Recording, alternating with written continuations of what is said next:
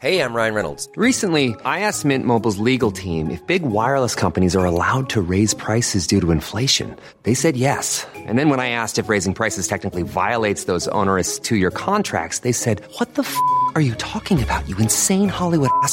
F- So to recap, we're cutting the price of Mint Unlimited from $30 a month to just $15 a month. Give it a try at mintmobile.com slash switch. $45 upfront for three months plus taxes and fees. Promo rate for new customers for limited time. Unlimited more than 40 gigabytes per month. Slows. Full terms at mintmobile.com.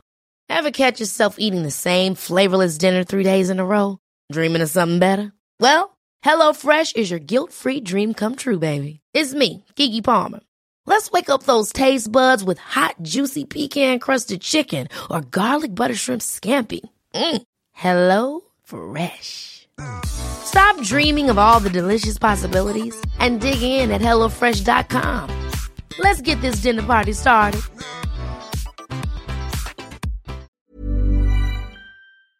Hallå! Simon Gärdenfors heter jag och snart börjar min podcast Arkivsamtal.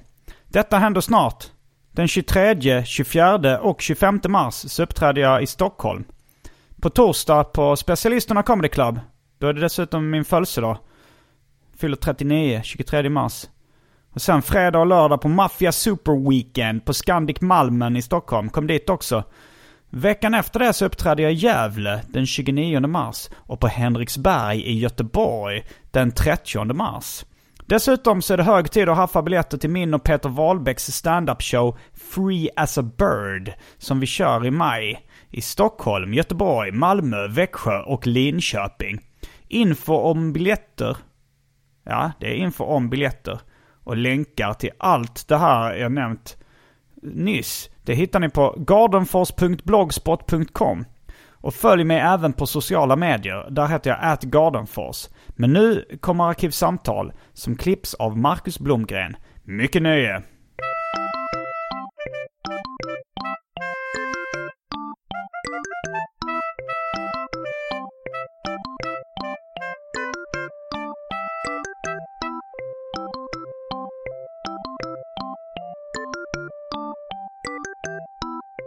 Hej och välkomna till Arkivsamtal. Jag heter Simon Gärdenfors och mitt emot mig sitter Nisse Hallberg.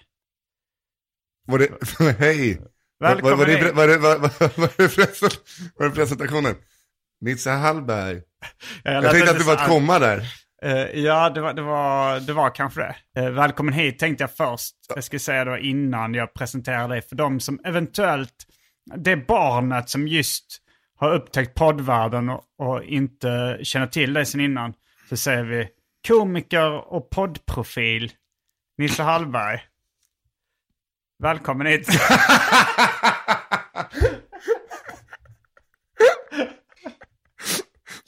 Du försökte göra det bättre. Det är exakt samma komma. Efter fem år som podcastare så, så låter det ändå ganska, lite stelt fortfarande när jag presenterar mina gäster.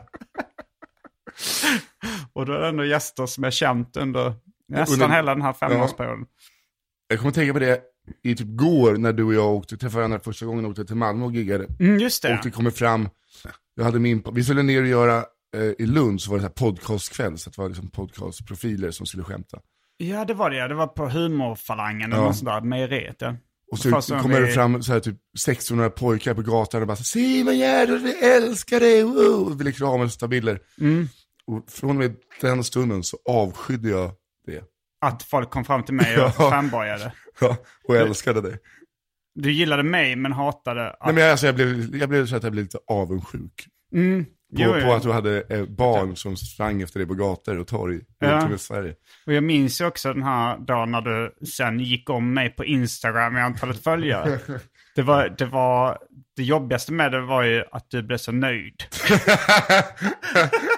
att jag, jag ville inte unna dig den glädjen. Det var okej, det var okej liksom att, att det hade blivit så. Det var okej. Men inte det här försvinnande hån, hån, Nej, jag vill, jag, vill, jag vill inte att du ska vara glad över det. det gjorde det så mycket värre. Jag vill inte se dig lycklig på det sättet. inte av den anledningen i alla fall. Det är också en sån jävla töntig grej att bli lycklig över. Sitta hemma och kolla, följa två konton samtidigt. Jag har ju bara en person jag har en kamp med, alltså som är just Instagram, det är David Sundin. Mm. han skall passeras. För han, det kommer ta så hårt. På, alltså på riktigt. Ja. Så skulle det ta hårt på honom. Ja, men, du, men, men det är ju så med, med sociala medier och jag antar lycka och framgång i allmänhet att när man når de här små målen man satt upp och man tänker så här, när jag får 10 000 följare, då kommer jag vara nöjd. Ja, då kommer jag inte eh, bry mig längre. Då kommer jag inte bry mig längre. Men så är det ju inte. Nej, nej, nej. Man, eh, man, man går ju runt med ett konstant missnöje hela livet. det finns inget att göra åt det. Men samtidigt så tror jag, som eh, en eh, alkis sa till mig i ett omklädningsrum. Ge inte upp dina mål, då tappar du livslusten. Så en alkis säger till dig i ett omklädningsrum. Mm. Vad gjorde du alkisen i omklädningsrummet? Eh, jag bytte om eh, f- förmodligen då efter, efter en uh, karateträning tror jag det var. Ah. Shotokan. jag, gick, jag var tonåring. Jag var Okej. ganska ung tonåring också tror jag. Eh, han, jag kommer inte ihåg om han tränade karate där. Det gjorde han. Han var nog... Jag kanske, jag kanske kryddade historien lite Men, det, kan, han var kan, men kan han vara så som eh, vet, alla gamla sådana filmer, att det finns här, den, den forna talangen inom sporten som det gick lite snett och så tog han till flaskan. Det är Mm. den bilden jag får i huvudet. Så kan det ha varit. men, men vad jag kom på nu var, alltså den, de här för ju tankarna till eh, Mr Miyagi Ja. i uh, Karate Kid. Och han, han heter Pat Moore någonting. Jag kommer inte exakt ihåg vad han hette, men han som spelade då Mr Miyagi. Jag håller på att läsa en bok om, eh, som heter The Comedians. Mm. Som jag bara kanske fem sidor kvar på nu. Som handlar om eh, humor och stand-up-branschen i USA. Från vaudeville till fram till millennieskiftets Okej. hjältar. Men där, då visade det sig att han var en gammal stand-up-komiker. Mr Miyagi. Nej. Jo. Du ska göra Ja. någonting som jag inte brukar göra. Som de säger i musikbranschen. I usually don't do this, but nu ska jag pausa och googla. Ja. Okej, då är vi tillbaks och har bevittnat Pat Morita, även känd som Mr Miyagi i Karate Kid. Har sett något uh, skämt. Han, han var Du, gav- du gav honom typ nio sekunder och då var det åtta sekunder applådpaus. Ja, eh, men jag ville bara säga om han var Ja, standup-komiker. okej, okej. För det, det var ju inte riktigt tippat. När man ser honom i Karate Kid tänker man inte det här är en gammal stupare som fått chansen. Som eh, en, en karatemästare. Nej, det kanske han inte gör. Men eh, det var kul att klippet började och sen kanske efter 35 sekunder, då började han prata. Det Mm. var väldigt mycket applåder. Ja, men detta var nog efter Karate Kid. Ja, det Säkert det då att han, han äh, återvände i triumf Till rötterna. till stand-up-scenen. Och då... eh, Det var en väldigt upplyst teater. mm, Det var ingen murrig, burrig känsla. nej. Det var inte de små cocktailborden eh, och de små lamporna, utan det var mer eh, biografen i Sunne. Mm. Alltså kändes det mer som. Det kändes ju inramningen på showen där han stod. Det var en ganska smal stand-up-referens, biografen i Sunne. Nej, jag vet inte ens om det finns någon biograf i Sunne. Jag jag bara... tänker nu på Kristoffer Appelqvists uh, Ja, nej, nej, det är 20, Sen inte. Sunne. Jag tänkte på, vad fan heter det, där de hade Bungee Comedy. Det är inte Sunne, utan det är Det är Grums. Grums. Där har de en Ännu teater. smalare referens ja, nu. Där har de en eh, teater där de brukar visa bio. Teatern i Grums. Mm. 300 sittare ändå. Är det 300 sittplatser? Ja. Ja, då har vi, då har, vi pratat om det. Eh, Pat Moritas ståuppkarriär. Jag vet inte varför vi kom in på honom. Jag vet, Men, jo, eh, du kom, jag vet fan hur du kom Jo, in. jo, det var eh, omklädningsrummet. En gammal karatemästare som sa ge inte upp dina mål för då tappar du livslusten. Det, vi, jo, det var, det var ju lite... Alkisen som du inte riktigt är övertygad är en alkis nu. Jag, nej, jag, jag kryddade historien lite med att säga att han var alkis. Han var en gammal gubbe. Okej. Som eventuellt tränat ta- karate, eventuellt mest hängde där i omklädningsrummet av oklara anledningar.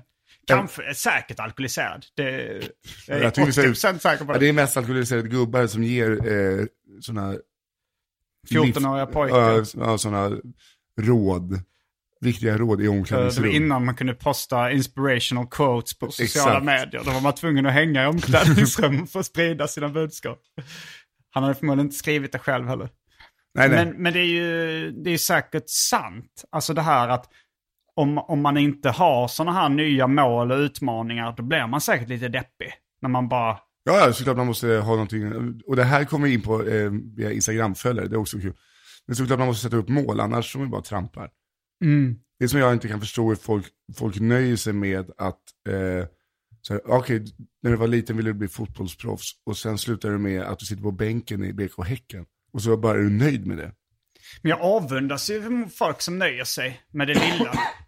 Jag går alltid runt och är lite halvnöjd. Ganska nöjd är jag.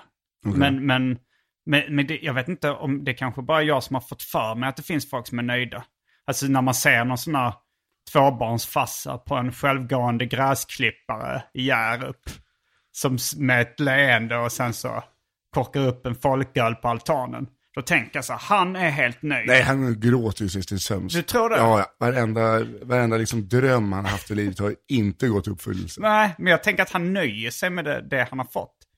Så här, ja det blev kanske inte riktigt som man tänkt sig, men nu... Nej, för sig, det lät ju deppigt. Ja. Eller? Fast han kanske inte ens... Eller så ha, är det hans dröm? Att ha en... Två barn, eh, självgående gräsklippare, jobb på... och folköl. Ja, folköl och sen så jobb på kommunen liksom. Ja, nu får jag, för jag bara tänker tillbaka som man, när jag bodde i Svalöv. Mm. Så eh, vi bodde ju i lägenheter, många som pluggade där. Eh, tre pers i en trea. Men i de trappuppgångarna så bodde det ju vanliga familjer också. Mm. Och sen, som vaknade upp med samma utsikt som oss, som visste att vi skulle bara vara där i två år. Vi hade något kul att göra hela tiden. Ja, Det var, folk, det var musikfolkhögskola då? Ja, liksom. exakt. Eh, och det var ju så jävla deppigt det blev när man, tänk, när man hörde hur familjen under en bråkade konstant. Och så. Mm. Ja, alltså jag, just det här folkhögskola. Det, jag har aldrig gått på det. Nej. Men det är lite så här, jag tänker mig, på ett sätt är det rätt, verkar det vara rätt så eh, underbart. Ja, det var helt fantastiskt. Men, men, men samtidigt, alltså så här, man tänker så här, lösakt, sexuell lösaktighet, eh, lite ansvar, man bor med massa andra i ens egen ålder som Men det var ju ungefär inte så nära man kommer college i Sverige tror jag. Ja, men det tänker jag också. Men sen samtidigt, de, de gånger jag besökt kompisar på eh, folkhögskolor, det har varit så deppigt. Verkligen. Jag har ändå fått lite panik liksom. Det det, har varit så, det har varit så deprimerande stämning där. Men vad, vad har du varit någonstans och hälsat på? För jag pluggade i Bollnäs, där var det deppigt. Ja. Jag har varit på en utanför Malmö. Eh, som jag inte kommer ihåg. Det kanske var Svalöv? Nej. Svalöv De hade en grafikskola eh, utanför Malmö. Okej. Där var det väldigt deppigt. Det finns Skurup och eh, så har du Svalöv. Det var ju de musik. Sen fanns det en till musik som var riktig. De hade typ en stroke-linje och en... eh, Mm. Där eh, mina polare gick där och eh, de skulle gå fram och han, han trodde att hans polare stod framför honom i matkön och bara springer fram och drar en sån vet, jävla lårkaka med knät. Aj. Bara, oh, och så var det inte hans polare utan det var någon sån här stroke-gubbe. De såg bara Mm. likadana ut så han bara han sänkte en sån liten stroke-gubbe. Ja. Eh, och där kändes det på den skolan att det var deppigt för att det var så en liten musikklass och så var det så här knasiga andra linjer. Så Friden var i Svalöv, det var ju svinstort. Mm. Det var Sveriges största internat, så där hände det ju saker. Det var ju kul. Var det Sveriges största internat? Ja, Nej, jag har i och för sig gått på Långbro folkhögskola här eh, utanför Stockholm. Men, men då bodde man inte där. Då var det man, man åkte dit ibland och hängde. Men det... Och det var ju det här projektverkstan liksom. När man, Ursäkt till studiemedel. ja, men jag har hört det är många som går, alltså min flickvän går där nu. Albin eh, Olsson, Anton Magnusson, Elinor Svensson har gått där. Ja. två andra av mina ex och massa andra kompisar.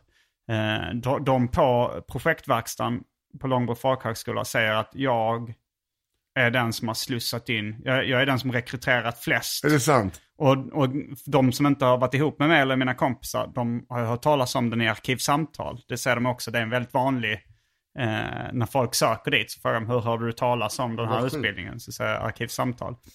Så vad är din de del? Min, min del i kakan. Ja. Nej, det är bara att den här podden bjuder på lite tips och tricks hur man slipper eh, ha ett vanligt jobb. Ja, det är väl eh, bra. Ja. Men det är bara en eh, termin, eller hur? Eller en, eh, två terminer? Det är, väl, det är väl två år man kan ha eh, studiemed, studiemedel för, Ja. för folkhögskola. Och sen eh, får man ju säkert gå kvar för man hittar någon försörjning på något annat sätt. Alltså jag började betala mitt jävla studielån för över tio år sedan. Jag betalar Mm. varje månad. Och jag, alltså det krymper inte ett skit, känns som. Men jag, nu har jag betalt tillbaka hela mitt studielån. Jag tänkte bara ta, om jag får en stor faktura, ta allt och bara tjoffa in. Ja, men det var det jag gjorde. Hur, eh, hur har du det ekonomiskt just nu? Jo, tills eh, skatten och momsen kommer jag ha det bra. Mm. Eh, jag tror att jag leder lite över... Eh, Det går bra, för när, när du började gästa den här podden så hade du inte riktigt lyckats leva på underhållning. Ja, då jobbar jag som kock fortfarande va? Ja, Då jobbade du som kock fortfarande, tror jag. Ja. Alltså när vi lärde känna varandra. ja, ja det gjorde jag nog. Och du var nog med hyfsat tidigt. Så, men, så det, vi har ändå fått följa din resa Den Eh, fantastiska till resan. eh, professionell underhållare. Ja, för nu är det typ snart tre år tror jag. Tre år som du inte har eh, Jobbat varit kock. kock. Så det är jävligt skönt. Fast det är också...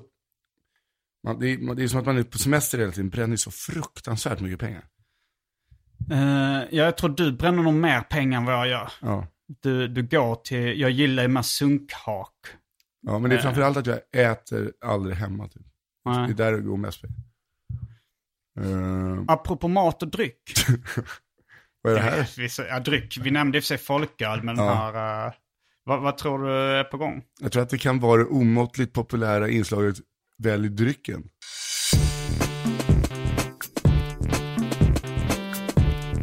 Jag tror vi börjar med det fasta inslaget. Välj drycken!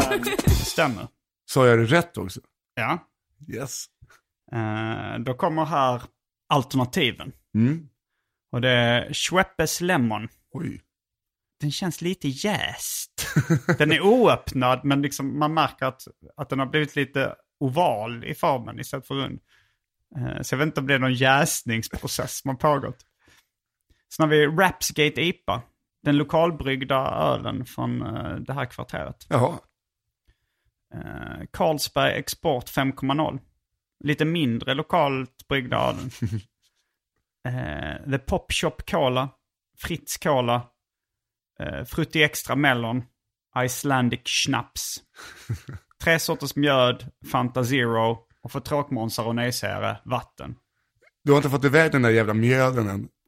Nej, den är Det var ju två år sedan var jag här, då vi erbjöd den första gången. Ja, alltså den, den är ju, det är tre flaskor jag fick av någon som jobbar på sjätte tunnan. Ja, men då, den, den måste ju kunna bli dålig. Den är förmodligen dålig. Ja, Men eh, mjöd, det är som en kvinna. Den blir, bara sämre, bättre. den blir bara sämre och sämre. det är en sån gammal bögsägning. Nej, det är det absolut inte. Men eh, jag är besviken på att du inte har Hawaii. Hawaii Gay Club. Nej. Ja, jag, nu när du säger det Ja. så är jag besviken på mig själv också. Innan du sa det så hade jag glömt att det, att det brukade finnas. Och när du sa så här, um, ska du komma till podden? Ja, har Hawaii Gay Club. Får jag väl fixa det då, sa du. Ja, det sa jag. Dubbel Ja. besvikelse. Mm. Men eh, då eh, kanske en, en sån där eh, Carlsberg Export 5.0. Jag, Du, ja, okej, det kan du ta. Då tar jag den lokalbryggda ölen Rapskate IPA. ja, det tycker jag är rätt i. Då är vi strax tillbaks med den stora dryckbesvikelsen. Från uh, det omåttligt populära inslaget Välj drycken. Mm. Häng med! Hej.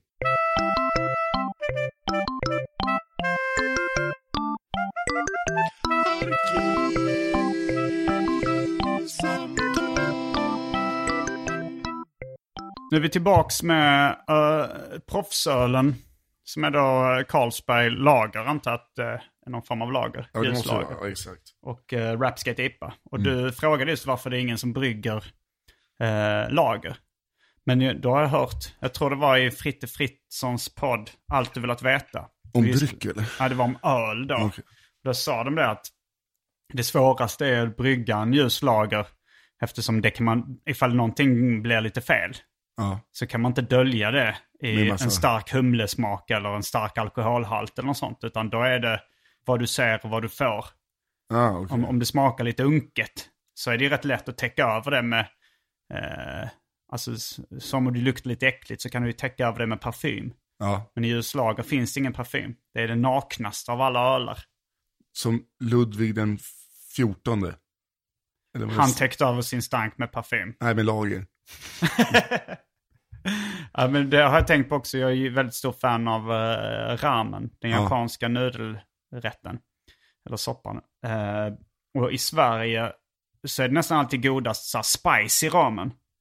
Eh, för det svåraste är ju att brygga en ganska ren okrydd, alltså som inte är så stark. För det, det är av samma anledning som det svåraste att brygga ljus lager. Men eh, har du varit på Totomoramen? Mm, många gånger. Mm, det är min kompis Jonas, eller? Mm. Tycker de är väldigt bra. Ja, det är nog bäst i, Ja, det skulle jag i också vilja säga. Sverige. Skulle jag säga. Han var nu, eh, jag jobbade med honom på Brasserie då, Mm. när han var servitör. Och sen eh, började han eh, typ plugga trädgårdsmässor och grejer, visste inte vad han skulle göra. Och sen från ingenstans, bara, jag har sett några ramen-butik. Mm. Han är väldigt duktig och har ett sånt jävla matintresse. Så nu hade han varit på en ramenresa i Tokyo. Ja. Och när han kom tillbaks så liksom blev det ännu bättre. Mm. Jag var där när de just hade kommit tillbaks. Då hade de eh, fått tjockare nudlar, vilket jag tycker är gott. När det Ja, riktigt, alltså det är väldigt, jag gillar inte att äta mig mätt på buljong, för att just varm buljong och så mycket vätska, det blir en sån jävla speciell mättnadskänsla. Mm. Som jag kan så här, inte gilla. Men där så slickar jag fan skålen på buljong. Mm, mm. Och det är, det är ett gött betyg. Ja.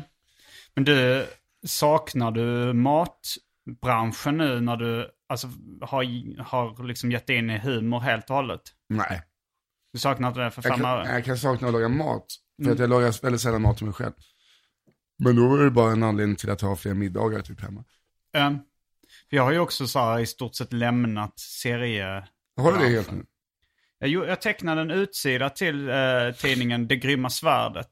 Nummer 26 tror jag det var. Okej. Som inte utkom. Men det var det senaste jag tecknade. Och, eh, fast jag har inte tecknat serier på säkert över ett år. Aha. Men det Ja, kanske det kommer igen, det vet man inte heller. Nej, det kanske kommer igen. Det, men, men det är ju att jag tycker det är roligare att göra andra saker just Ja. nu. Det var Men- som att jag höll på med musik förut. Eh, det har jag inte gjort på hur många år som helst heller. Men det Nej. vet man inte heller, kanske också. För det känns som att när jag började med humor, då blev det kreativa, allt det kreativa tänket lades på det istället för till exempel musik. Eller sen var det mat, var jag väldigt kreativ i det. Men Mm. sen när man hittar, eh, när jag hittat att lägga liksom min energi på att försöka vara rolig istället, då har jag inte tid eller ork att lägga det på något annat. Eller, eller lust. Jag tänkte på, jag har försökt boka dig några gånger till den här podden. Ja. Och då har du alltid svarat så här. Eh, jag frågar så här, kan du komma in och podda på torsdag till exempel? ja. Skrivit så här, eh, ja jag ska kolla. I, Och så glömmer jag bort. och så glömmer du bort Ja. det. Det gör jag med gig också hela tiden. Jag måste, det är mitt akilleshäl. Vad- Är det på grund av A. Psykisk sjukdom. B. Alkoholism. Eller C. Arrogans. Eh, jag skulle nog kalla det, fan, det, Allt ovanstående. ja, nej men jag tror att det är att först ska jag in, för att jag har inte synkat min telefon mot, eh, mot alla gig. Alltså jag har inte allting i min kalender. Så vissa saker måste jag bläddra. Så tänkte jag, ja, jag gör det och snart. Och så glömmer jag bort det. För nu har jag fått två sådana idag. Så kan du eller? Eh, och det är bara att jag är tankspridd. Ja, eller... äh, Och arrogant. Blir det. blir arrogant. ja. Men eh, det är inte, det är bara att jag har varit, framförallt på senaste, ganska så uppe i det blå. När det kommer till att boka saker. Uppe, att du är förvirrad eller? Ja, lite så. Och beror det på någon speciell anledning? Eller? Nej, jag tror inte det. Alltså, jag, jag hade mer när jag mådde psykiskt dåligt, då hade jag bättre koll på saker. För då Aha. det, känns som, Så du mår inte psykiskt dåligt än, nu? nej, än. Än? nej, det kommer säkert tillbaka. Eh, hur länge har du varit citat frisk? Slutcitat. Citat, frisk, slutcitat, har jag varit, ja, jag vet inte, typ, jag tror att det började lite, började må bättre förra sommaren kanske. Mm. Eh, men det var, ja, eller, för sen hamnade jag i en depression. Förut var det panik, sen hamnade jag i en dålig relation som när den tog slut så blev jag jättedeprimerad. Mm. Och det kanske, depressionen, För det var nog senast du var med, då hade du nog haft en sån ganska mörk period. Ja. Var precis på väg ut. eh, men då kan det vara kanske ett halvår. Mm. Ungefär. Jag tänker mig, har jag mått, inte varit deprimerad. Men eh, depressionen gjorde så att jag blev av med all panik och sånt. För att jag fick bara plats med depressionen. Mm. Så det var typ den som eh, tog bort all, all dödsångest och sånt där. För då, då vill jag ju, när man är deprimerad, då vill man ju bara dö. Ja. Så då blev det ju, det tog ut varandra. tror ja, det är intressant. Men nu så, nu går du runt bara. Ja, som, var- som en vanlig människa. jag, jag kan bli deprimerad, jag sover väldigt, väldigt mycket. Som Mm. idag skulle jag upp och träna, vakna upp med ont i halsen. Så här, kan jag inte träna, då kan jag ligga kvar i den här sängen. Mm. Även fast det är jättehärligt vårväder ute. Så gick jag upp i sängen halv två kanske. Och då låg jag bara på soffan och åt ostbågar och go- godis. Jo, Det var ett roligt uttal på godis. godis. Vad gör du annars? Eh, vad har du annars på gång? Är det bara stand-up eller är det? Du, du är klar med, du gjorde ju en föreställning som heter Jag är sjuk. Mm. Det är ju rätt eh, kongenialt som vi säger då att du är klar med den då när du också har slutat vara sjuk. ja, exakt. Nu Eh. kanske blir för någon sån riktig jävla kukcancer istället. Och bara har sex månader kvar. Nej, jag tänkte mer att det, nu Nu är jag är du frisk. klar. Ja, nu är du frisk. Eh, och nu, jag giss, du har skrivit någonstans att du jobbar då på en ny show liksom. Ja, men jag är runt på alla klubbar och försöker sätta nya 70 minuter. Ja, det, jag är också, jag tror jag, vi är ju ungefär, vi börjar, vi, våra shower var ju Ja, parallella. exakt. Och jag håller också på och, och nu jobba fram nytt material Mm. liksom och gå, åker runt på klubbar. Det är ganska, det är fan, det är jobbigt när man vet att man, som jag körde Raw i helgen. Eh, jag vet att jag så här, avslutar, jag upp, jag kan köra gamla rå, safea saker Ja. och bara slakta det Mm. för den publiken. Men då är det helt onödigt att jag är där. Ja. Alltså för att det är inte därför jag tackar ja till alla de här grejerna. Då kanske jag får, började jag kanske med två minuter säkert och så avslutade jag med tre minuter säkert. Och så fick det vara 25 minuter. Det, det funkar ju jävligt bra men det är inte lika tajt. Liksom. Nej, när det är svajigare. Ja, Mm. men det, det är så jag håller på också nu. Och det, är- det är ju ett dilemma. Att man vet att man, det är ju inte så kul. Publiken och klubbägaren, som en, om de, publiken inte har sett den för då vill de ju att det ska vara så bra som möjligt. Mm. Men eh, samtidigt kan man ju inte heller vara kvar i sitt gamla material för alltid. Då blir man ju snabbt en föredetting. Nej visst. Och det är alltså tack för att jag, jag tror att jag nu har säkert, eh, sen jag slutade föreställningen, 40 nya minuter i alla fall. Som är, fast Mm. de, det kanske ska bli 30 då. Av, Vad sa du? de 40 kanske ska bli 30 när man tackar Okej, ihop ja. det. Liksom. Ja men då har vi kommit ungefär lika långt. Jag är nog där också. Eh, har du något annat på gång? Tv, radio? Ja, tv, vi börjar spela in en serie eh, i maj. Mm. Där jag och, jag vet inte hur mycket jag får berätta om det. Fast det är kontrakt och sånt att skriva. Så. Det är ett program med en rolig tjej från YouTube. Vad heter hon? Eh, jag, vet inte, jag vet inte om jag får berätta det här. Kontrakten är ju redan skrivna. Vad ska de göra? Ringa och säga du fick inte berätta det här. Eh, nej, det är sant. Eh, hon heter Simone Giertz. Simon Gärtsenfors.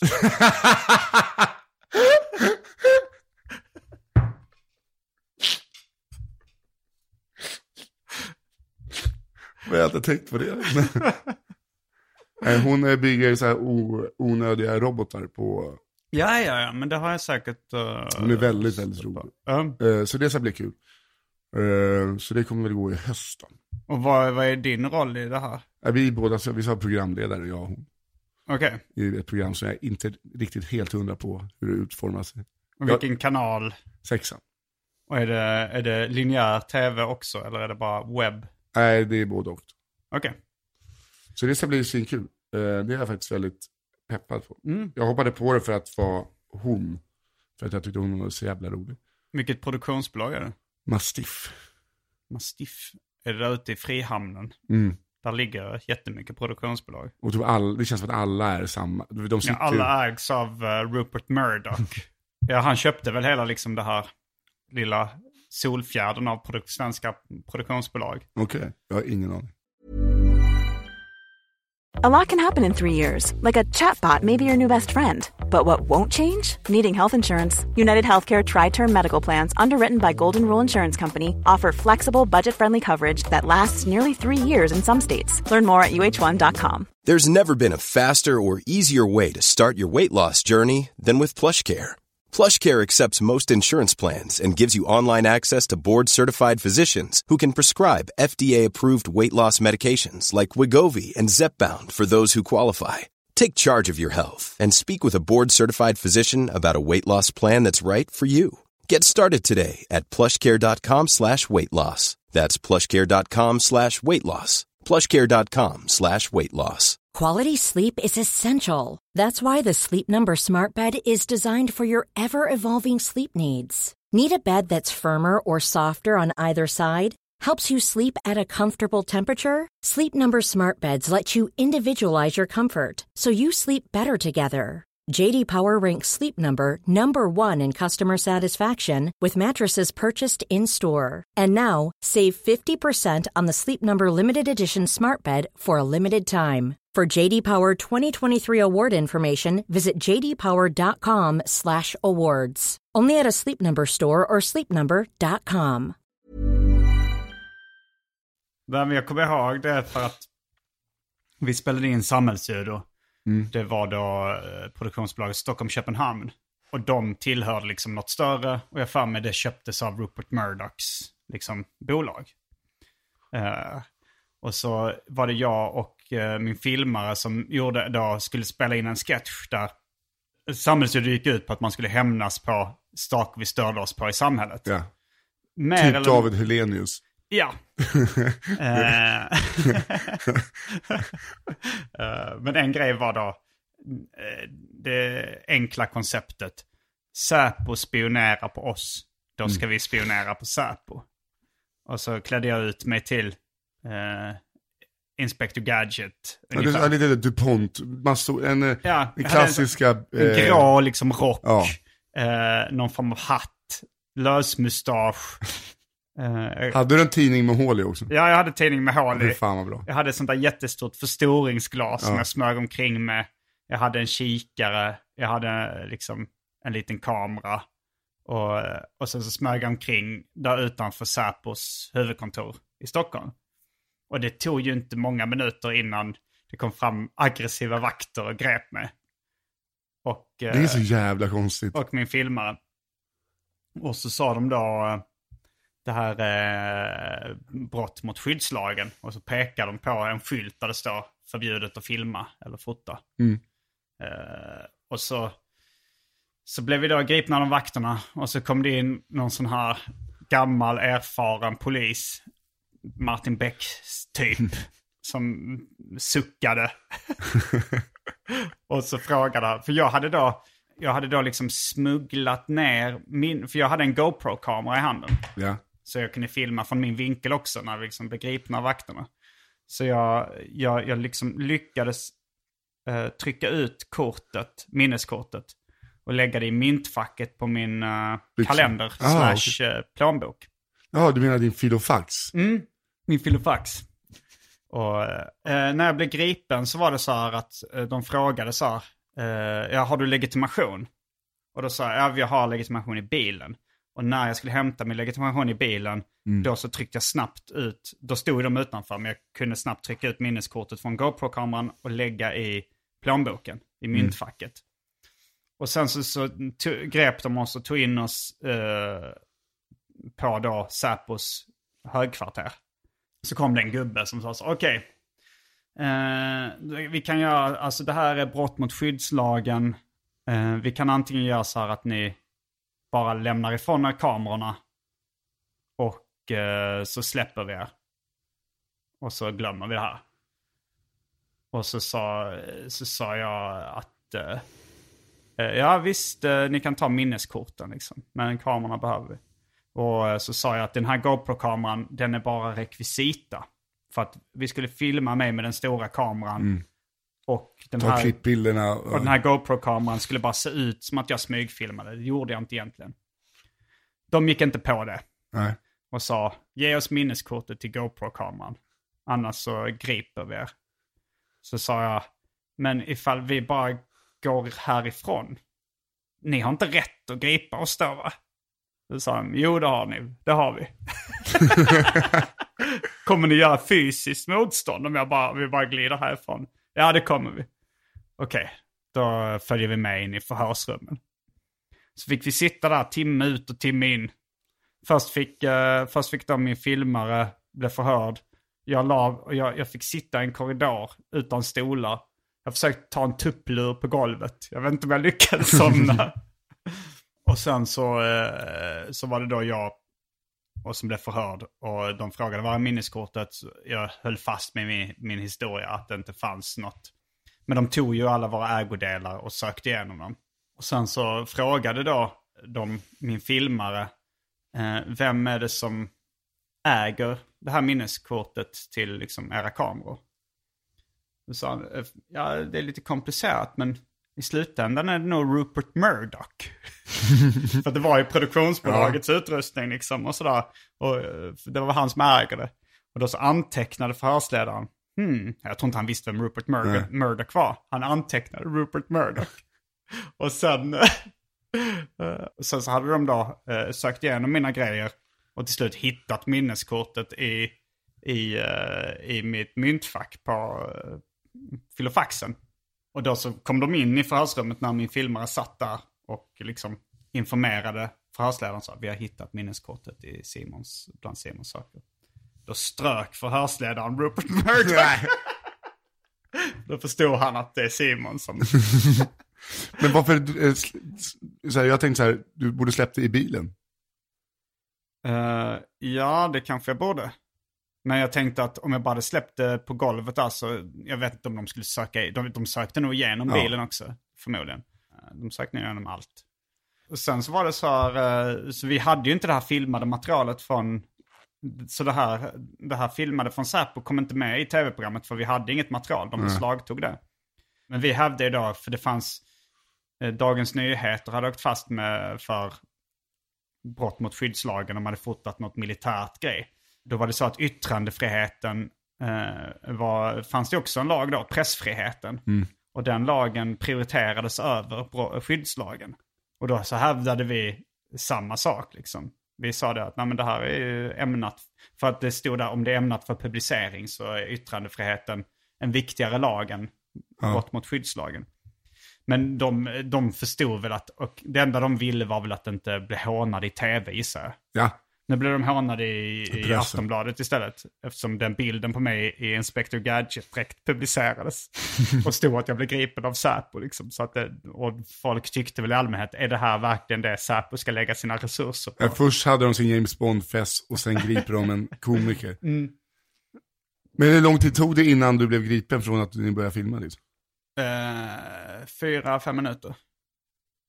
Och du visste ju hela tiden att du skulle bli gripen. Nej, det visste jag inte. Visste jag, inte? Nej, jag, jag visste inte hur... Jag tänkte väl att de hade... De, jag vet inte hur bra... Alltså, så, jä, så jävla hemligt är det väl inte utanför Säpos kontor. Så Nej. att de har så jävla mycket vakter där som... Eh, Fan vad lite de har att göra om Mm. de ser dig och bara, nej nu jävlar. och sen så var det så här att eh, de sa du kommer få en, eh, en delgivning om misstanke för brott mot, hem, eh, mot skyddslagen hemskickad. Nu får du en förenklad delgivning här, men du kommer få en riktig delgivning om misstanke. Sen släppte de oss och sen så efter tv-programmet hade sänts så sa de så här, ni kan hämta ut era grejer nu som vi har beslagtagit. Så fick vi hämta ut minneskorten efteråt, liksom efter programmet hade sänts. Och sen så, sen vet jag inte, jag fick aldrig någon delgivning om misstanke. Den advokaten som jag hade kontakt med, han sa, påminn inte dem. det, jag tror, ja, det, det är lika bra att det bara... Jag kommer att vänta i nästan två år på att få min del in. Mhm, för uh, det har du pratat om innan. Så det, Ja exakt, men jag åkte fast för narkotikabrott. Mm. Och hade inte du jag, hade köpt kokain. ja, hade inte jag delgivit det så hade jag blivit, blivit friad. Det var ju må- många som inte, för då hade det ju gått, Men då hade du inte fått, nej, nej men det hade blivit preskriberat.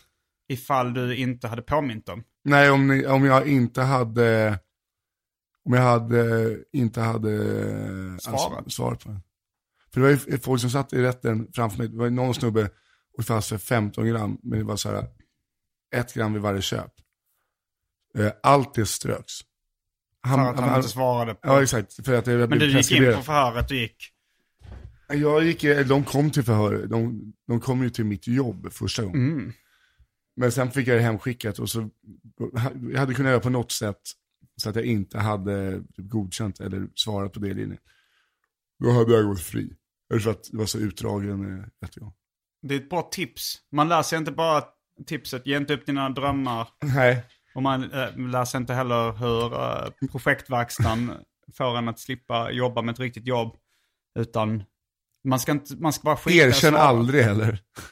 Erkänn aldrig, om man ska inte s- om du får en delgivning och misstanke, vad ska du bara, eh, ska du bara lägga den på en högtalare i ditt hem och sen så fortsätta med ditt liv som vanligt? Eller vad ska man göra? Jag vet inte, jag kommer inte ihåg riktigt vad man säger. För att det är så här, om du inte svarar på den så godkänner den, ja, det- är något sånt där. Man må, man, det är någonting man ska göra.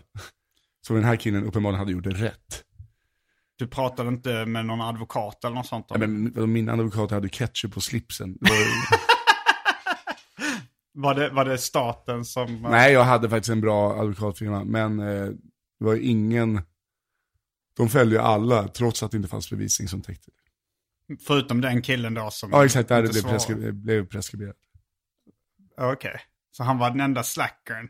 Ja, det, alltså det det- påminner lite om det här, de som kom för sent den 11 september till jobbet Ja. och därmed överlevde. alltså, så här, det är väldigt få tillfällen det, det premieras vara en slapptask. När man eh, har planerat att säga så här, tåget körde fel. Eh, Och sen eh, kan man inte göra det för alla är döda. men, uh, ja, men för nu, jag är ju lite en situation nu också när i samma program, Samhällsstudier, så byggde jag och Frej en uh, bögklubb på Putins tomt på Åland. Och det, det har jag varit på polisförhör och så vidare. Och sen så, det var ju det var jättelänge sedan det här hände. Mm. Och, och sen så när jag var, bara för en månad sedan eller något sånt, så, så, så fick jag liksom lite mail från massmedia. Från Aftonbladet och då Ålands lokaltidning där det stod Ja, har du några kommentarer för att eh, det har väckts åtal nu? Oj, Det blev rättegång. Men jag har inte fått hem några papper, någon kallelse.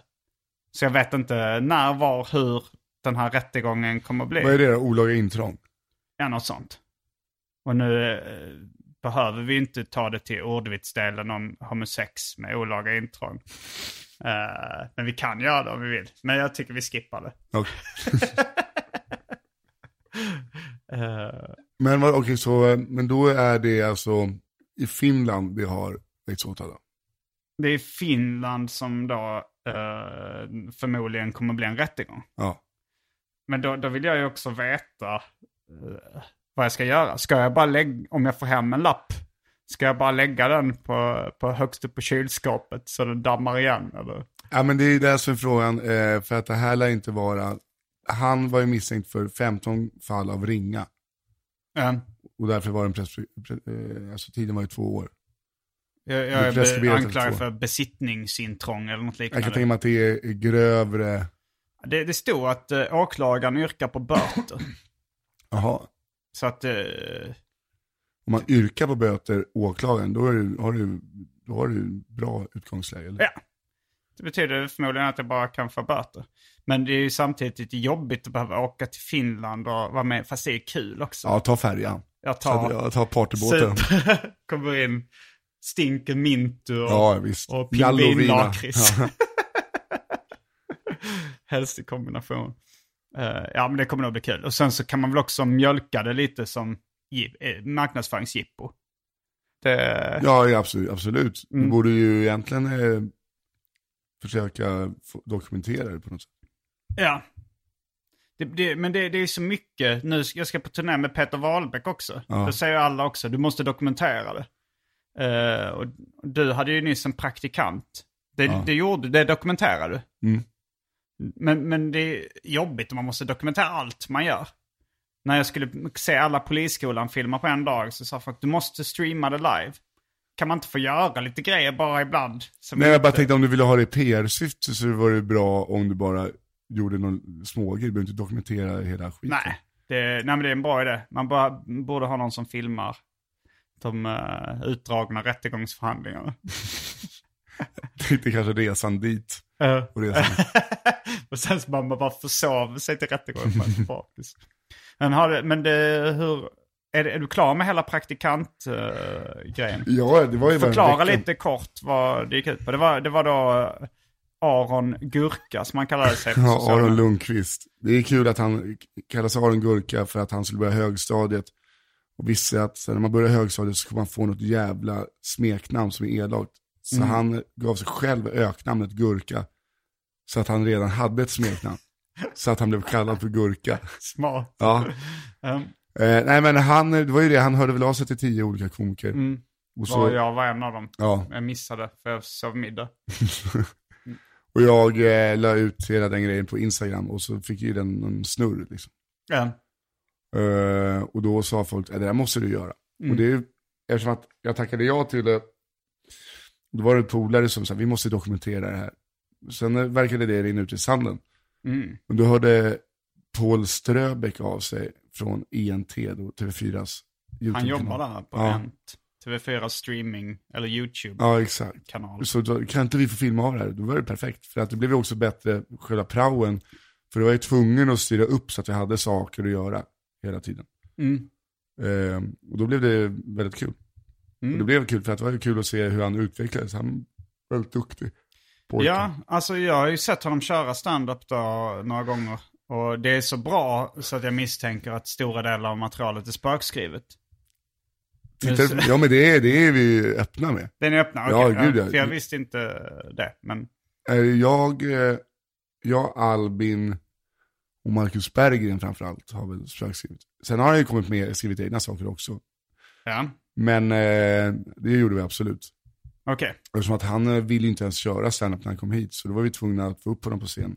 Så det blev en prao. Så Ah, vi, okej. vi skrev typ tre, fyra minuter åt honom och sen, eh, Men det är frågan sen om han har eh, viljan, styrkan, kraften Och humorn. och, och, och talangen att fortsätta på egna ben sen. ja, exakt, det är det som blir intressant. Men nu har han ju kört, han har säkert kört 15 gig nu eller någonting. Jo, sånt. men, men det kanske är de med spökskrivet material, 90%. Ja, det kan det Så vara. det, det, det påminner om det här barnet som, som vann. Jag, jag, när jag började med stand-up så började jag med något som heter Bungee Comedy. Eh, det var någon tävling där man... Eh, Körde tre minuter. Ja, man körde tre minuter och så, och så var det någon form av tävling. Och jag ska inte säga att det här barnet som vann eh, snuvade mig på segern. För jag var inte tilltänkt till någon seger överhuvudtaget. Jag var inte ens med i de som liksom nämndes som vinnare eller något sånt där. Nej. Det gick dåligt för mig. Eh, men men eh, han som vann, han hette också Simon. Kommer inte ihåg eh, Engelund eller något sånt efternamn. Jaha. Och det var typ en 13-årig pojke. Som, eh, Ja, det här kommer jag fan ihåg. som gick upp och hade väldigt... Var det på Norra Brunn-finalen va? Mm, det var på Norra Brunn. Och eh, det, det tisslades och tasslades lite om att eh, folk trodde att det var hans pappa som hade skrivit materialet. Kanske också för att mycket av materialet handlade om hans farsa. som var så, och farsan är ju författare, Ja, han har ju mossa i öronen, så gammal. Alltså det var, det var lite skämt om.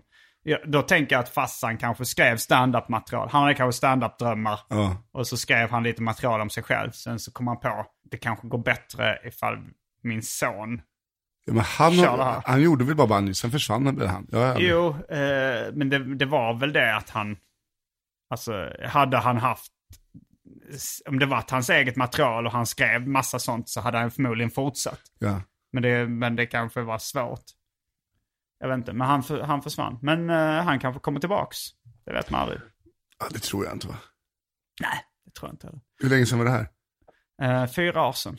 Ganska exakt.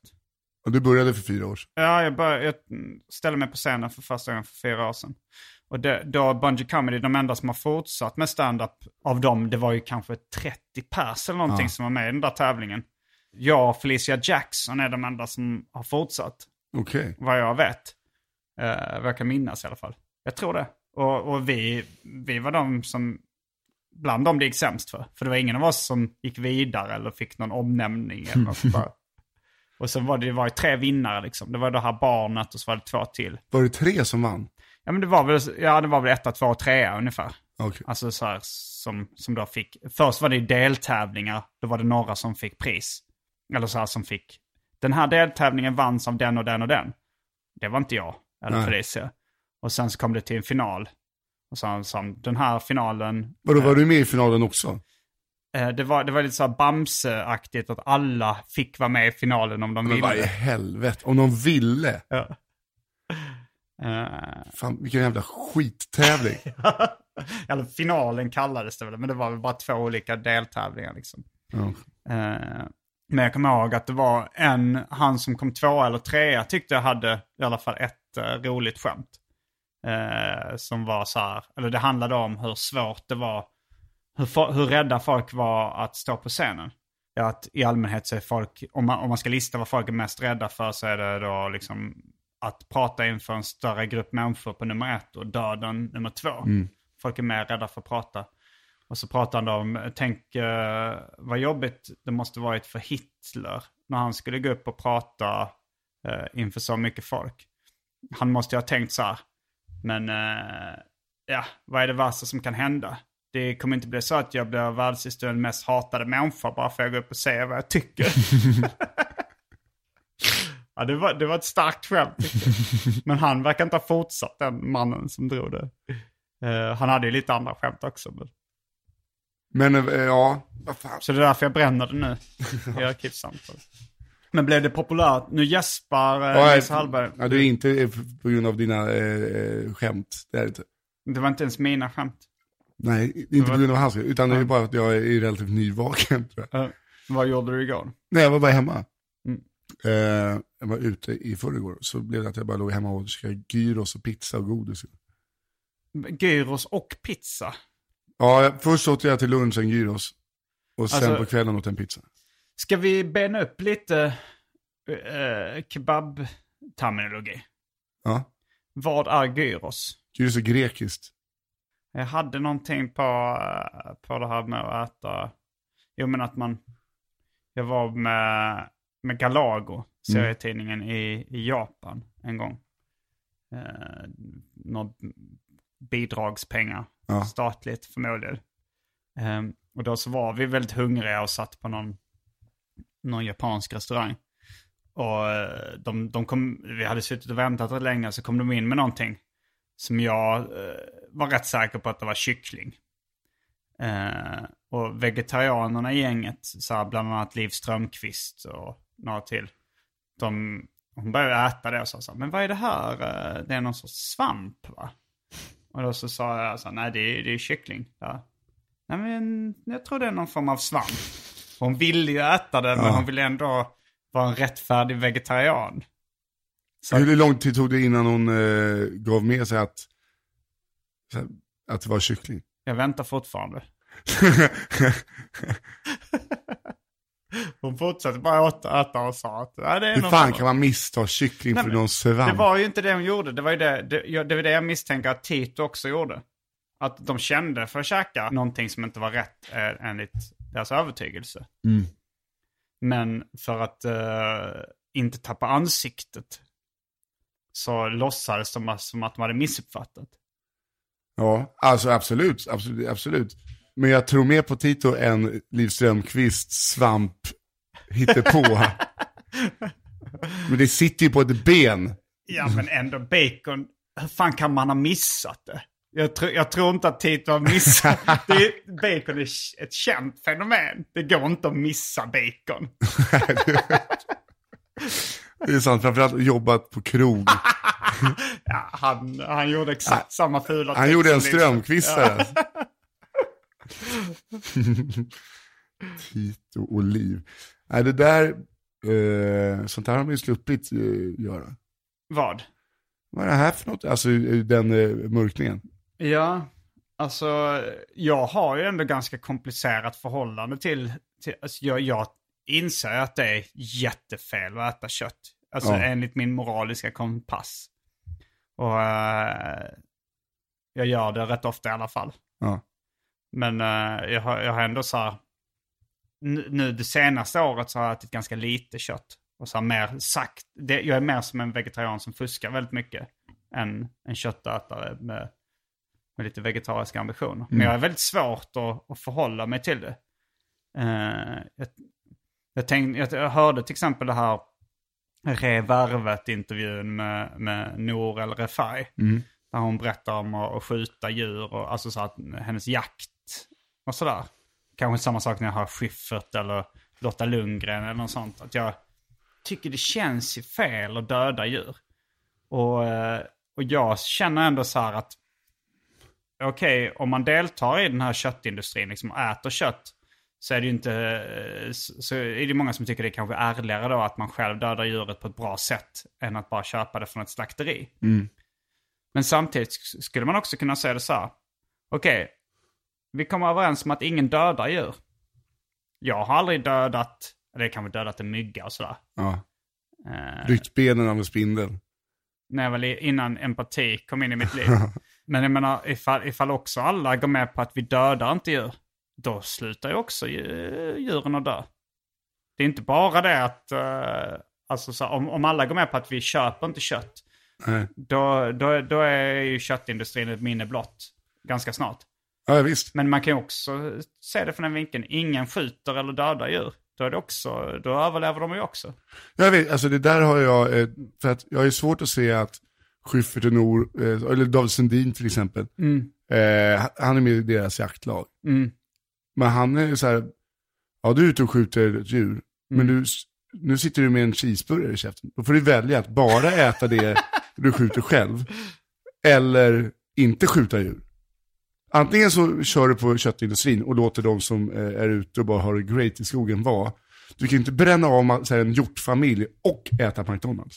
Alltså man kan ju göra det. Det är ju Jo, såklart man mot kan, men, lagen. men då, då är det så här bara, ah, men du vet jag är väldigt mån om allt så här, jag har hela frysen fylld med eh, vildsvin. Ja, den där familjen eh, vildsvin i en frys hade kunnat gå runt och böka liksom, i skogen nu. Så. Mm. Eftersom att du ändå gynnar köttindustrin. Om man håller på och jagar så tycker jag så här, då, då ger det sken av att så här, jag är emot köttindustrin, jag vill äta vilt. Mm. Det kan jag köpa om du bara gör det. Men om du sätter på inte, var in och talla på det andra då. Det är om, som- om man nu inte bara, if, alltså så här, ja, de, dels så, är det ju så här, det, jag tycker det är, tass, det är både taskigt att eh, döda djur och taskigt att, eh, att köpa, att uppmuntra eh, slakteriindustrin och så vidare, eller köttindustrin. Ja. Men det beror på, David Sundin, jag vet inte, han kan bara säga jag skiter i allt. ja, det kan han ju verkligen göra, just den mannen. det vet jag inte, och då, då är han ingen hycklare utan bara ett vanligt svin. Ja, ja visst, visst. Det har du helt rätt i. taskigt egentligen att ordet, om man, nu, om man nu är djurrättsaktivist, då kanske man inte borde använda ordet svin som någonting negativt. Jo, kan man göra. Det så man, man, är, man är antirasist, väldigt mån om det, men man använder det n-ordet som skällsord. det är helt okej. Åh, fy fan. Jag tänkte bara innan när du sa, jag tänkte på um, när Liv Strömquist bara, nej jag tror att det är någon form av samp, eller Titos. Va? Är bacon gris? Så jag komma på om man, Han kommer ju, han, alltså Tito är där ute just nu. och bara äter, och äter. Schweinaxe. Ja, Som jävla- om det inte fanns någon morgondag. och, och han har samma ursäkt. Va? Alltså det, det är samma sak, han står med, med en uh, hotbite utanför 7-Eleven. Vad är hotbite gris? Han har det som standard. Vadå, är bite, betyder det gris? Det- Han har bara hittat ett kryphål. Men då kom jag på eh, en som eh, eh, har en polare till mig, jag tror faktiskt han lyssnar på den här podden. Niklas Gräs heter han, en av hiphopgubbarna jag har pratat om i den här podden några gånger. Han har ju ett passande namn för en hiphop Ja, han heter ju faktiskt Gräs i efternamn. Han eh, röker efternamn. Nej, han gör det, det har han nog gjort i sina dagar. Men, eh, men han, eh, han är en sån som man sitter och, säger att jag sitter och käkar eh, sour cream onion chips. Mm. Så kan han dra så här, "Va- eh, vad är det där för något? Så det är sour cream. Ja, de tror inte jag att jag har testat någon gång. eh." att han spelar, bara smaka. ja, smaka som att, som att det vore första gången. Ja, ja, det är en Marabou mjölkchoklad där. Ja, Jaha. Smart. Men, man, man, man går inte på den, eh, man går inte på den två gånger, framförallt inte första gången heller. För att eh, han har ju inte en Matthew McConaughey-kropp, han, han är lite mer 1600-talsprins. Så.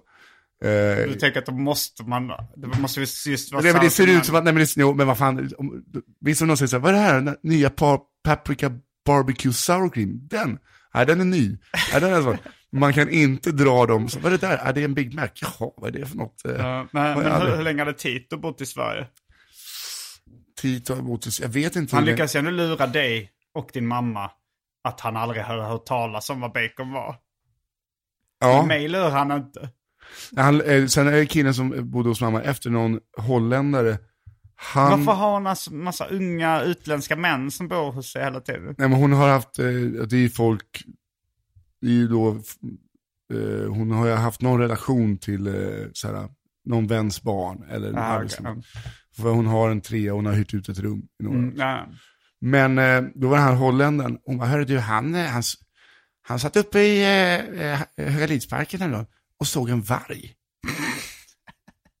Så, vad sa du? Nej, han, såg en, han såg en varg. Nej, men De tror på allt de Ja, ja. ja men så var det där, det var mitt i vintern, okej. För det första mamma, varför sitter han i Höga Lidsparken mitt i vintern? Han sitter där uppe och röker gräs, det vet jag. Nej, vart är han ifrån? Han är från Holland. Ja, exakt. Ja, det har du rätt i. Mamma, och det, det springer inte runt vargar. Det var en hund för oss. Nej men sjuka är typ två veckor efter eh, i tidningen, såhär, eh, varg har skymtats på Södermalm. Va? Och så var det så här bilder på vargspår. Och då blir man ju så här, vänta nu, hade han rätt? Jag tror fortfarande att det är någon som bara, att det är en hund. Men, för, det, ja. för det finns också, när jag gjorde samhällstjänst fanns en eh, hemlös gubbe som hade en så, så, hund som ser ut som en varg. typ. Mm. En sån vit, eh, blå, men så här ser ut som en varg. Det kan mycket väl ha varit hans jävla hund som springer, för att de hänger väl i... Men har de liknande tassar då? Alltså det, Det känns som att jag, tidningen bör ju kalla in en expert när någon har skymtat varg och så vidare. Jag vet, ja, antar För det springer fan inte runt varg i Höga Lidsparken. Det gör det ju inte. Jag tror inte det verkligen. Nej. Kan, kan det vara För det har inte varit så att folk har sett den och sen är den bara borta. Jag tänkte nu att man, man har en sån här liksom, eh, någon, att det är någon som spexar till det. Som har tällt till varg, en vargtass och som går med en pinne och trycker ner. Fast då borde det ju synas människospår också. Ja. Det är svårt att sväva liksom ovanför och trycka ner de här varje. Nej, det, och framförallt så hade det varit några typ bondkatter med avslitna struphuvuden och sånt där. Ja. Tycker man ändå. Borde varit lite mer blod. Det, I och för sig, man kan ju sätta på eh, någon slags fake-tassar på en hund. Som ser ut som vargspår. Någon det är slags fan att dra det hela långt. Någon slags sockerplast med varg. Men det är ju ett roligt prank. Ja. I snön liksom. För att få den här nyheten. Och sen en labrador springer runt i sockerplast. Ja, Jag tänker att de är ungefär samma storlek. jag kommer ihåg när eh, mina släktingar är rätt så djur och naturintresserade. Eh, min farbror till exempel är då zoolog på något sätt. Jag trodde du skulle säga zumba-instruktör. Inte än. Eh, men jag kommer ihåg när jag var liten så var det så här att i, i då liksom ornitologfandom så hade, var det någon som hade sett en rosenmås. oh. Som var en, eh, en väldigt ovanlig fågel i Sverige då. Och det, det, liksom, det, nu för tiden sköts väl sånt på appar eller sms. Liksom, att det är så här, hela fågelskådarfandom åker ut och vill se den här rosenmåsen. Men då kom jag för han blev ju eld och lågor liksom. Vi hängde med honom då. Han bara, uff nu måste jag ut med bilen och se den här rosenmåsen. Men sen efter ett tag så visade det sig att det var någon som hade sprayat en vanlig mås rosa. för att skoja till det. Och ifall man liksom går så långt som man sprayar en mås rosa. Då kan man ju sätta på Sockerplast på labrador. sockerplast på labrador. Så det vargspår. Men jag fattar inte den här jävla entusiasmen och eh, drivkraften ornitologer har. Nej, men jag respekterar den. Det gör inte jag. Så jag inte det? Nej, inte det jag, minsta. jag, jag gillar nörderi i sin renaste form. Nu gillar jag eh, alltså eh, typ trainspotters och så här mer. Det är samma drivkraft, säkert samma del av hjärnan. Jo men det är också lite fu- fusk. Där vet du också så här om du spottar plan. Men nu kommer det komma en 747 här. Kommer den landa 14.03 på Arlanda. Mm. Så står de där. Wow. Och det tycker Det- du är bättre än att nu är det en rosenmås i Sverige. Ja, Varför?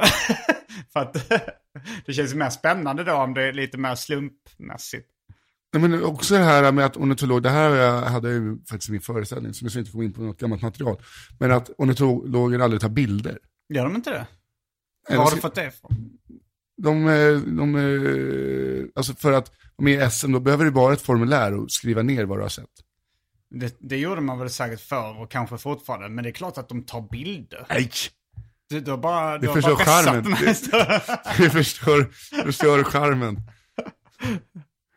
Såklart de inte tar bilder. Det är bara en gissning du har gjort. Nej, nu när, när du säger det så känns det som att, det är, att jag inte har läst det någonstans. nu, ja, det kan vara så att det är en gissning. Är... Hur, hur ser din nördhjärna ut? Har du snöat in på någonting? Jag eh, var ju totalt insnöad på Viking Line-fartyg när jag var mindre. Va? Skojar du nu? Nej. Du, du, alltså som trainspotting fast med Viking Line-fartyg. Du stod nere i... i Nej, men jag hamnen, hade, inte att jag stod nere i hamnen, men jag hade, visste exakt allting om alla. hur långa de var, hur många passagerare de tog, hur många däck, när de var byggda. Och hur, hur började det här intresset? Det var min morsa jobbade på Viking Line. Det förvånar mig inte. Eh, hon jobbade inte på båten, hon jobbade på kontoret. Okej. Eh, och så fick jag en, och min farsa är gammal sjökapten. Mhm. Så att då, eh, någon, någon mix där. Så när vi har varit ute på de här sommarturnéerna så kan David bara, där, vad är det där alltså? Ja, där är Cinderella, 191 meter, 29,4 meter bred, 2700 passagerare. Kan han, Ja. sitter han och kollar upp det och så börjar han, blir han, eh, så börjar han bara fnittra för att allt är Det var imponerande. Ja, det är imponerande, det är helt otroligt onödigt. Men det är det enda som jag verkligen har varit eh, som eh, snudd på små autistiska när jag var liten. Det var... Sen är det ju att jag eh, vägrar spara nummer i telefonen. Det är det jag har nu. Att jag har inga nummer inlagda. Så om jag ringer dig, Ja, då är det ett okänt nummer för dig. Det är Ja. bara liksom en sifferkombination. ja. Och på, Och, och är det bara ren eh, nej, det är bara för att... idioti? Nej, för att jag förut sumpade jag innan man hade liksom så här moln och sånt. Spara allting på. Sumpa min telefon. Jag har haft så otroligt många telefoner. Ja, det Så att hade jag... jag också på den tiden jag drack lite för mycket. Men nu, eh, nu, håller jag, nu tappar jag ju bara telefonerna i backen så att Mm. de går sönder. Eh, jag tappar inte bort dem. Eh, men eh, så att eh, så, på så sätt har jag hela telefonboken i mitt huvud. Nu kan jag tyvärr inte ditt nummer. Eh, men, Du försöker lära dig men jag lär mig, alltså nummer man in, ja. Det är ganska lätt att få fixa dem online, de flesta telefonnumren också. ja men det är ju bättre bara att kunna knappa, så här, ja nu ska jag ringa Tengen, så knappar jag in hans nummer. Det är lättare att bara ha det i mobilen. Och sen nu när det finns cloud och sånt så kan du ju bara ladda ner. Jo men sen då om min telefon är död, bara, oh, fan, ja, vi måste ringa den här personen för den partnern ska föda. Ja men jag har det i huvudet. Mhm, ja, men hon sa inte, jag, måste, jag har hennes mammas nummer i huvudet också. Jag vet att det, det finns ingenting, men, utan det är bara också så här lite hjärngympa-grej tycker jag. Jag tycker att det är kul. Um, jag, jag fyller ju sånt på min på OCD som, eh, som jag inte fått någon diagnos på. Men jag säger så här, men det är bara ren OCD. Ja, Uh, men jag har ju ingen OCD, Nej. utan det är bara någon fix idé. ja. ja, det är nog det jag har också. Eh, Jag inte om jag pratar om det, Fritte Fritzson, vår kollega, Mm. han har ju OCD som bara visar sig när han äter mat. Va? Han sorterar allting på tallriken. Aha. Så ärtor, vet, han lägger saker i typ linjer. Mm. Svinlång tid att äta pyttipanna med honom. Nej men han är liksom så här, allting ska ligga i små högar. Men det, jag tror det är toppen av ett isberg. Att du, det är den enda gången du har upptäckt Ja, Han har säkert mycket annat sånt. Du har, inte haft, du har förmodligen inte haft samlag med honom. Jag Nej, kan tänka mig att eh, det är en viss ordning som allting görs i. först originalt, sen ska den bara in i, Du, du, du, du skippade orala där. ja ja. Du tror... ja. Eller hur tänkte du att Frittes OCD yttrar sig rent sexuellt? Eh, först slicka lite, slicka fitta lite, pulla lite. Sen in med eh, penis i uh, vaginan. Mhm. Sen är det klart. är fan, han måste ju söka hjälp. Det är sjukaste jag har hört. Det är den värsta formen av OCD jag hört. Att han kan liksom inte fråga den ordningen. Tända lampan tre gånger också. Nej, Nej, inte fritt det är bara det. Det- det- det. Och med de orden så avslutar vi veckans avsnitt av Arkivsamtal. Jag heter Simon Gärdenfors. Jag heter Nissa Hallberg. Fullbordat samtal.